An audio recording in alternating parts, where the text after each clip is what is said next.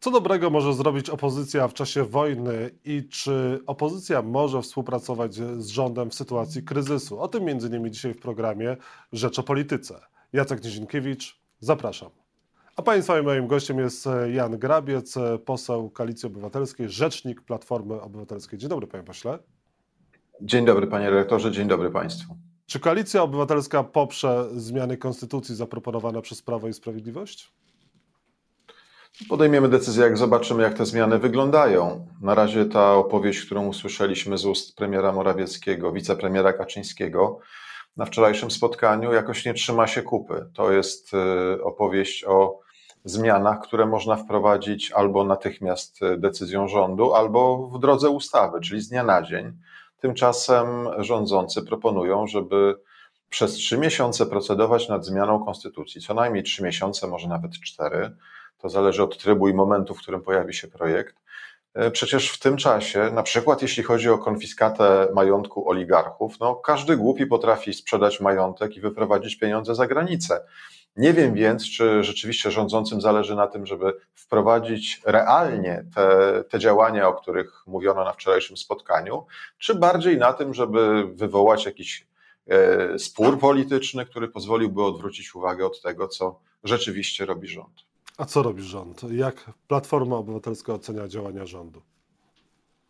No, na pewno zależy w którym aspekcie, bo z całą pewnością dyplomacja dzisiaj jest aktywna. Może nie tak skutecznie, jak chcielibyśmy, ale bez wątpienia aktywności prezydenta dyplomatycznej, premiera jest, jest duża. Tej aktywności brakowało tak naprawdę w ostatnich latach, więc e, tego z całą pewnością nie będziemy krytykować. E, w ogóle rola opozycji jest dosyć szczególna w takim czasie, w czasie kryzysu, w czasie wyjątkowym, w czasie wojny za naszą granicą, w czasie zagrożenia bezpieczeństwa Polski. Skupiamy się raczej na tym, żeby podpowiadać kroki, które powinien podjąć rząd, niż krytykować czy rozliczać.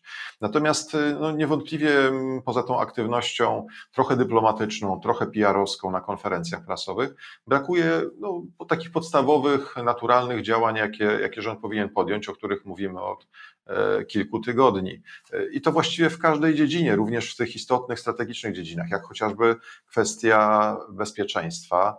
No wiadomo, nie od dziś, od 2014 roku określiliśmy nas, nasz cel od czasów jeszcze rządów Platformy, jeśli chodzi o wzmocnienie obronności Polski, żeby w Polsce stacjonowało 30 tysięcy żołnierzy amerykańskich w stałych bazach. To jest cel e, strategiczny, który oczywiście, którego realizacja musiała potrwać lata.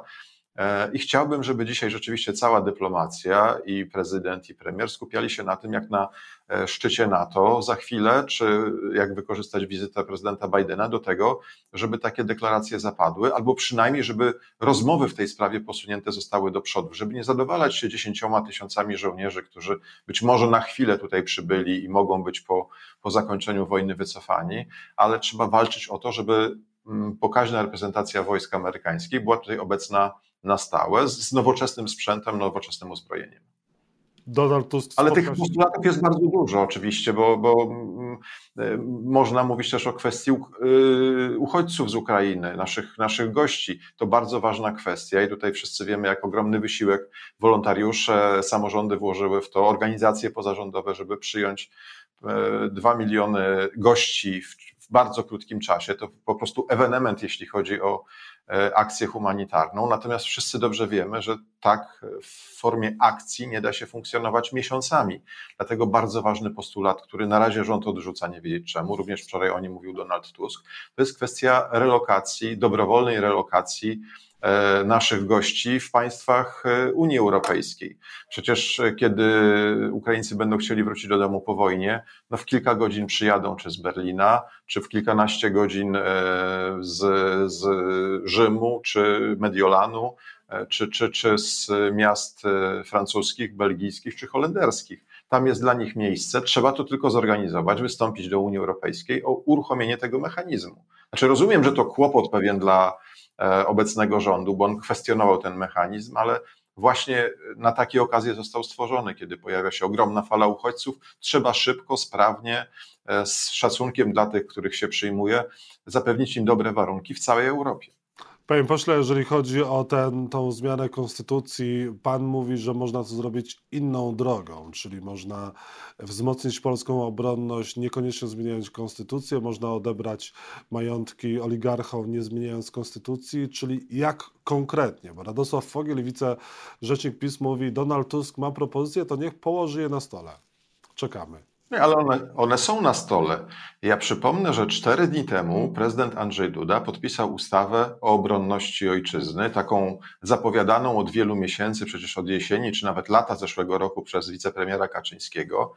I w tej ustawie, dzięki zresztą naszemu wsparciu, znalazł się zapis o finansowaniu e, obrony narodowej, tego działu, e, co najmniej trzema procentami wydatków budżetu. Pojawiły się zapisy dotyczące e, możliwości obligacji pozabudżetowych, które mogą finansować te cele.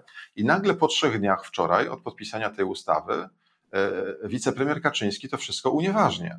Mówi, że nie potrzeba tych 3% z budżetu, nie potrzeba tych obligacji. Trzeba dać możliwość wydatków budżetowych nielimitowanych poza kryteriami budżetowymi właśnie na obronność. Czyli E, no, widać, że można, bo można i pozabudżetowo, można e, robić to z budżetu. Trzy dni temu to jeszcze było oczywiste. Dzisiaj czy wczoraj się okazuje, że to zdaniem rządzących niemożliwe. Nie wiem o co tam chodzi. Oczywiście, gdybym był złośliwy, to powiedziałbym, że już wszystko rozkradli i rzeczywiście teraz szukają specjalnych ścieżek, żeby dodrukować pieniędzy na obronność, ale no, widać na pierwszy rzut oka, że przecież to nie wymaga kompletnie zmiany konstytucji. No to dlaczego według Pana, dlaczego według Platformy, dlaczego według Donalda Tuska PiS chce zmiany konstytucji.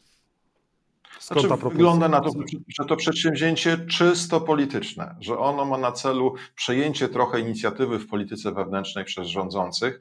Wiemy, że ten rajd wokół flagi, który przyniósł niewielkie wzrosty PiSowi w pierwszych dniach, się zakończył. Widzimy to zresztą w innych państwach europejskich. Nie wiem, Macron uzyskał przed wyborami prezydenckimi znaczące ponad 5% E, uzyski. Y, ostatnie sondaże pokazują, że to poparcie spada. Jakby ludzie oswoili się z tą sytuacją i dzisiaj rozliczają rząd i oczekują od rządu przede wszystkim działania na rzecz własnych obywateli, a w tym przypadku w Polsce to szczególnie ważne, bo byliśmy w kryzysie jeszcze przed wojną. Przypomnę Nowy Ład, który wywołał kryzys, przypomnę e, drożyznę, e, ceny paliw, to wszystko było przed wojną. Rząd sobie z tym nie radził, a dzisiaj to jest oczywiście dramatycznie bardziej, bardziej y, ważne dla ludzi na co dzień, zwłaszcza, że sięgnęli do własnych portfeli, do własnych kieszeni naprawdę miliony Polaków e, pomagają i pomagały bezpośrednio naszym gościom. To jest coś, coś niewybałego, naprawdę. To jest taka codzienna, wielka orkiestra świątecznej pomocy, która dzieje się w całej Polsce na naszych oczach. Ale oczywiście, jeśli chodzi o te inne zmiany dotyczące konstytucji, E, ta druga zmiana dotycząca konfiskaty e, majątków. Przecież jeśli e, rząd zapoznałby się z artykułem 40, to on wprost mówi o tym, że przepadek rzeczy może nastąpić w warunkach określonych w ustawie. Więc sama konstytucja stanowi, że można dokonać konfiskaty, tylko trzeba określić reguły dotyczące tego, tego procesu w ustawie, w zwykłej ustawie. Ustawie, która można podjąć jutro czy pojutrze w Sejmie i zająć te majątki. Ale też charakterystyczne jest, proszę zauważyć to, e, panie redaktorze, że e, premier Tusk zaproponował wczoraj na tym spotkaniu, żeby zamrozić na początek te majątki rosyjskich oligarchów i okazuje się, że ta propozycja została wprost odrzucona, że zamrożenie nie interesuje PiSu. A przecież jeśli będziemy czekać 3 czy 4 miesiące na właśnie zmianę konstytucji, żeby cokolwiek zrobić z tymi majątkami, no to tych majątków w Polsce nie będzie, one zostaną spieniężone i oligarchowie będą się z tego cieszyć. Prawo i Sprawiedliwość Ale... mówi, że, że to jest oczekiwanie na działania Unii, dlatego te działania nie są podejmowane. No ale przecież państwa Unii podjęły decyzję i o zamrożeniu, i o konfiskacie czasem tego majątku. Włochy działają, przecież mają konstytucję szanującą prawo własności, podjęli decyzję, zatrzymują majątek rosyjskich oligarchów. E, orzekają jego, jego przepadek. No, podobne działania e, zaczęła Wielka Brytania, chociażby jest poza Unią, ale też przecież w, w, w systemie prawnym e, Wielkiej Brytanii ważny jest szacunek dla własności. Znaczy, wszystko można zrobić jak się chce. Ta władza udowodniła wielokrotnie, że można zrobić wszystko, nawet jak się łamie konstytucję w ostatnich sześciu latach. Więc dzisiaj zasłanianie się tym, że nie można w ustawie określić zwykłej warunków konfiskaty, jest czymś absurdalnym. Przecież wszyscy pamiętamy konfiskatę rozszerzoną, inne przepisy wprowadzane z dnia na dzień ograniczające prawa Polaków. Dlaczego tego samego nie można zastosować, rozbudować o, o tych, którzy e, uczestniczą w tej operacji wojennej, de facto wspierając reżim Putina? Tego, tego nie rozumiem, to jest kompletnie niezrozumiałe, bo przecież do tego dochodzą jeszcze inne fakty. E, kwestia e, chociażby trwającego ciągle importu węgla rosyjskiego, kwestia zakupów ropy, którą Orlen dokonał nawet po rozpoczęciu działań wojennych na Ukrainie, to kwestia chociażby decyzji dotyczącej odprawy tirów z wyposażeniem dla armii bardzo często, rosyjskiej armii. Przecież można, stosując e, zwykłe przepisy, e, bardzo dokładnie sprawdzić, czy te środki mają trafić na wyposażenie armii najeźdźczej, czy w innym celu. Te sprawdzenia mogą trwać kilka tygodni. Nic nie stoi na przeszkodzie, żeby te tiry zatrzymać, nawet przed oficjalnymi sankcjami obejmującymi całą Unię Europejską. No, potrafiliśmy zamknąć niebo nad Polską bez decyzji Unii Europejskiej, a dzisiaj nie, potrzeba, nie potrafimy zatrzymać kilkudziesięciu czy kilkuset tirów, no to po prostu jest niepojęte. Nie wiem, dlaczego rząd nie robi tego, co powinien zrobić. Nie chcę się tego domyśleć. Donald Tusk, na, a co panu podpowiada? Yy instynkt polityczny? Ja myślę, że no w postawie tego rządu widać bardzo ostrą retorykę antyrosyjską i takie działanie na pokaz, jak chociażby ta deklaracja premiera Kaczyńskiego w Kijowie, że jest gotów wysłać polskich żołnierzy w ramach kontyngentu NATO, no ale przecież jako wicepremier polskiego rządu mówi przede wszystkim o, o polskich żołnierzach na terytorium Ukrainy i to z bronią. Znaczy, taka deklaracja nieuzgodniona z partnerami, no, gdyby premier Kaczyński pojechał do Waszyngtonu wcześniej, pojechał do Londynu, pojechał do Brukseli, pojechał do Paryża, coś wstępnie uzgodnił, albo przynajmniej zapoznał naszych partnerów z tym, że będzie e, prowadził taką ofensywę, no, można by dostrzec w tym coś, coś racjonalnego, coś sensownego, ale na razie wygląda to po prostu na ruch e, PR-owski. Więc więcej jest tego PR-u niż realnego działania. Jak Panie pośle, nie potrafił działać. Panie pośle, a proszę powiedzieć, a czy Donald Tusk wybiera się do Kijowa na spotkanie z prezydentem Załańskim? No to jest kwestia oczywiście e, zaproszeń, rozmów. My przede wszystkim nie chcemy utrudniać funkcjonowania um, ukraińskiemu rządowi, ukraińskiej armii, jeśli pojawią się takie warunki. Mm, konkretne dotyczące tego, że nie będzie to obciążeniem dla tych, którzy, którzy dzisiaj i dla służb ukraińskich, które przecież mają co robić. Wiadomo, że zawsze e, wizyta przedstawiciela świata zachodu e, na obszarze, który jest objęty działaniami wojennymi, przecież widzimy, jak te bomby śmigają również nad Kijowem, e, to, to, to myślę, że to jest możliwe. Natomiast dzisiaj no, trudno no, wyglądało to trochę na działanie takie e, związane z pojawieniem się tam. Donald Tusk jest w stałym kontakcie z politykami ukraińskimi e, i z tymi, do których nam najbliżej, którzy są w naszej grupie politycznej VPP, jak, e, jak pan prezydent Poroszenko, jak Panie pośle, dobrze, na koniec jeszcze dwa pytania, bo musimy kończyć, zostało nam 30 sekund. Prezydent Joe Biden przyjeżdża do Polski, czy premier Tusk spotka się również z Joe Bidenem? Na razie nie ma takich e, uzgodnień. E, to będzie krótka robocza wizyta pana prezydenta. Wiem, że te spotkania robocze będą e, bardziej zamknięte, nie będzie wystąpień publicznych.